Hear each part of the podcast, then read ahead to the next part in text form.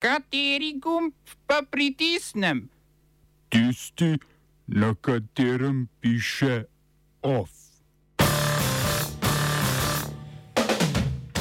Tesen izid predsedniških volitev v Keniji. Senegalci kmalo na predčasne predsedniške volitve. Odstop glavnega inšpektorja za delo Jadranka Grliča.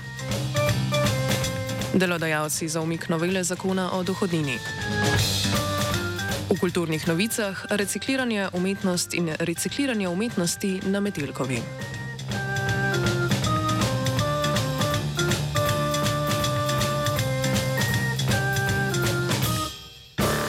Rezultati po 95 odstotkih preštetih glasov na kenijskih predsedniških volitvah kažejo na tesen izid med kandidatom opozicijskega oranžnega demokratičnega gibanja Railom Odingom in namestnikom predsednika od leta 2013 Williamom Rutom. Po 95 odstotkih preštetih glasov vodi Odinga s slabim odstotkom prednosti. Kampanjo so zaznamovala vprašanja o višanju življenjskih stroškov, boju proti korupciji in brezposelnosti. Odinga se za predsedniški položaj podoguje že petič zapored, potem ko je volitve proti odhajajočemu predsedniku Uhuruju Kenjati iz jubilejne stranke izgubil že leta 2013 in 2017. Rezultate zadnjih predsedniških volitev je Odinga označil za hekersko goljofijo, čemur so sledili protesti, v katerih je v spopadih med podporniki obeh kandidatov umrlo 40 ljudi.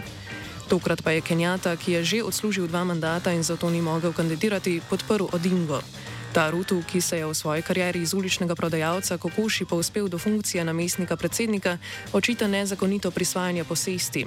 Volilni dan je sicer minil brez napetosti, razglasitev končnega rezultata pa se bo zavlekla zaradi paralelnega sistema glasovanja. Voljivci in voljivke lahko namreč svojo glasovnico oddajo v elektronski ali fizični obliki.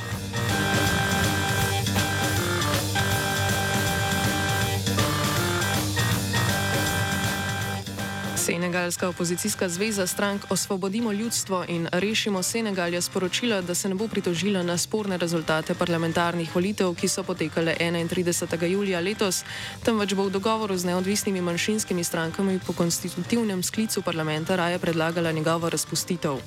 Državna volilna komisija namreč ni ugodila zahtevi koalicije po ponovnem štetju glasov v štirih volilnih enotah na severu države, kjer je predsednik države Meki Sel tradicionalno imel močno podporo. Odločitev opozicijske koalicije, ki ima skupaj s tremi manjšimi strankami v parlamentu sedaj večino, prihaja po razglasitvi uradnih rezultatov volitev, na katerih niti vladajoča koalicija predsednika Sala, niti opozicijska zveza nista osvojili večine v 165 članskem parlamentu. Za predsednika Sela je bil rezultat velik poraz, saj je njegova stranka pred volitvami v parlamentu imela večino s 125 poslanci. Pred volitvami je volilna komisija preprečila kandidaturo vidnim opozicijskim politikom na podlagi tehničnih razlogov. Če se bo napoved uresničila, Senegal čakajo predčasne volitve.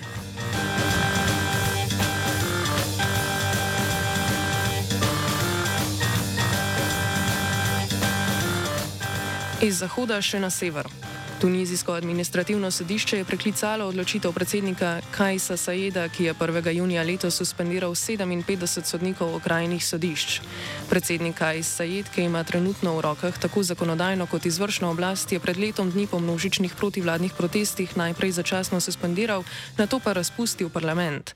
Septembra je na to delno suspendiral tudi ustavo, marca pa je zamenjal več članov Vrhovnega sodnega sveta organa, pristojnega za nadzor nad sodniki in garanta neodvisnosti sodstva. Poteza, za katere podporniki predsednika pravijo, da je bila potrebna za končanje dolgoletne politične paralize in gospodarske stagnacije v Tuniziji, je naletela na ostro nasprotovanje članov sodnega sveta in večjega dela javnosti.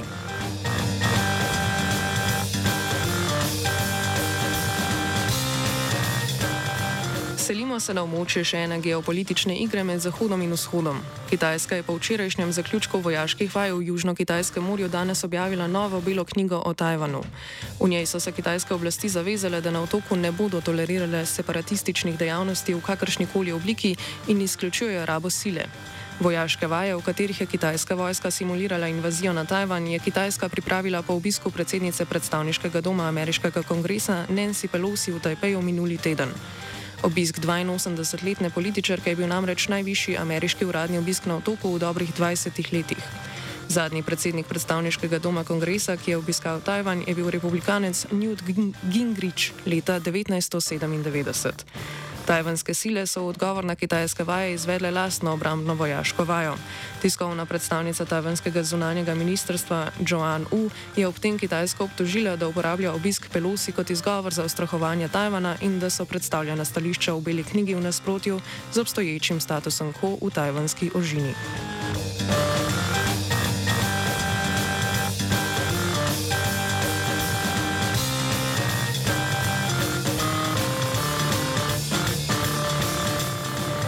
Smo že na stari celini. Latvijski parlament je sprejel izjavo, s katero je Rusijo opredelil za državo podpornico terorizma in jo obtožil, da izvaja genocid nad Ukrajinci.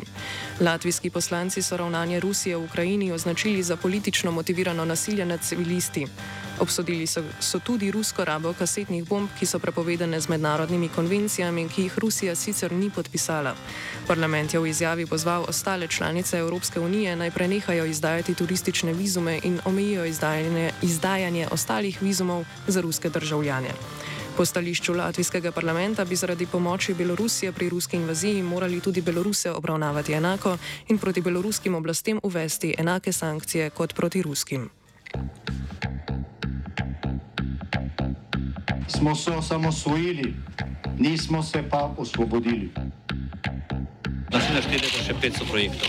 Izpiljene modele, kako so se strani nekdanje LDS rotirali. Ko to dvoje zmešamo v pravilno zmes, dobimo zgodbo o uspehu. Takemu političnemu razvoju se reče udar. Jaz to vem, da je nezakonito, ampak kaj nam pa ostane? Brutalni obračun s politično korupcijo. To je Slovenija, tukaj je naša zemlja, to je Slovenija, Slovenija. Po objavi prispevka televizije Slovenija o izkoriščanju in nasilju nad delavci iz Indije, ki naj bi v ljubljanski avtopralnici delali 62 ur na teden, je odstopil glavni inšpektor za delo Jadranko Grlič. Za njegov odstop se je v odmevih takole odzval ministr za delo Luka Mesec. Včerajšnji dogodek je bil povod, kjer se je jasno pokazalo, da trenutno vodstvo ministrstva in staro vodstvo inšpekcije ne bosta našla skupnega jezika. Napovedujem, da bomo zamenjavo našli v najkrajšem možnem času in da bo delovna inšpekcija pod uh, novim vodstvom in v našem mandatu delovala precej drugače, kot je delovala prej. Ne bo čakala, da se afere razkrijejo same, da jih odkrijete preiskovalni novinari ali pa nevladne organizacije, ampak bo inšpekcija tista, ki bo prva stopala na prste kršilcem delovno-pravne zakonodaje. Na vladi se zauzemamo, da bi z novim proračunom in novim kadrovskim načrtom delovno inšpekcijo ukrepili za vsaj 20 inšpektorjev. Z inšpektorata za delo so danes sporočili, da letno prejmejo okvirno 7000 prijav, kar pomeni skoraj 30 prijav na dan. Inšpektorat pa ima na voljo zgolj 53 inšpektorjev za nadzor na področju delovnih razmerij in dobrih 32 za področje varnosti in zdravja pri delu. Lani so izvedli skoraj 40 tisoč inšpekcijskih pregledov, dobrih 21 tisoč več kot leto prej. Razlog za tolikšen porast je v nadzorih, ki so preverili spoštovanje ukrepov za preprečevanje širjanja koronavirusa. Od vseh pregledov so lani ugotovili 18 343 kršitev in izrekli za dobrih 3,5 milijona evrov glob.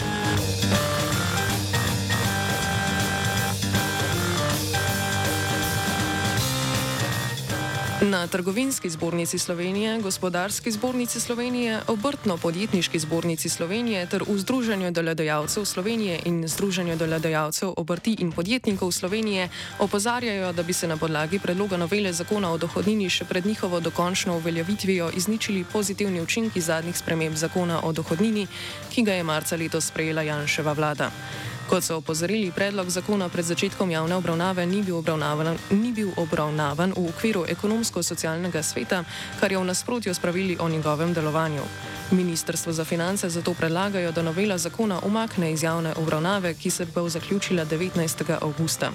Predlagane spremembe med drugim predvidevajo zaustavitev zviševanja splošne olajšave, vrnitev obdavčitve najvišjih plač in zvišanje stopnje obdavčitve najemodajalcev na ravni pred Janševo vlado. Spremembe iz novele zakona bodo v primeru parlamentarne potrditve uveljavljene z začetkom naslednjega leta. OF je pripravil Dugi.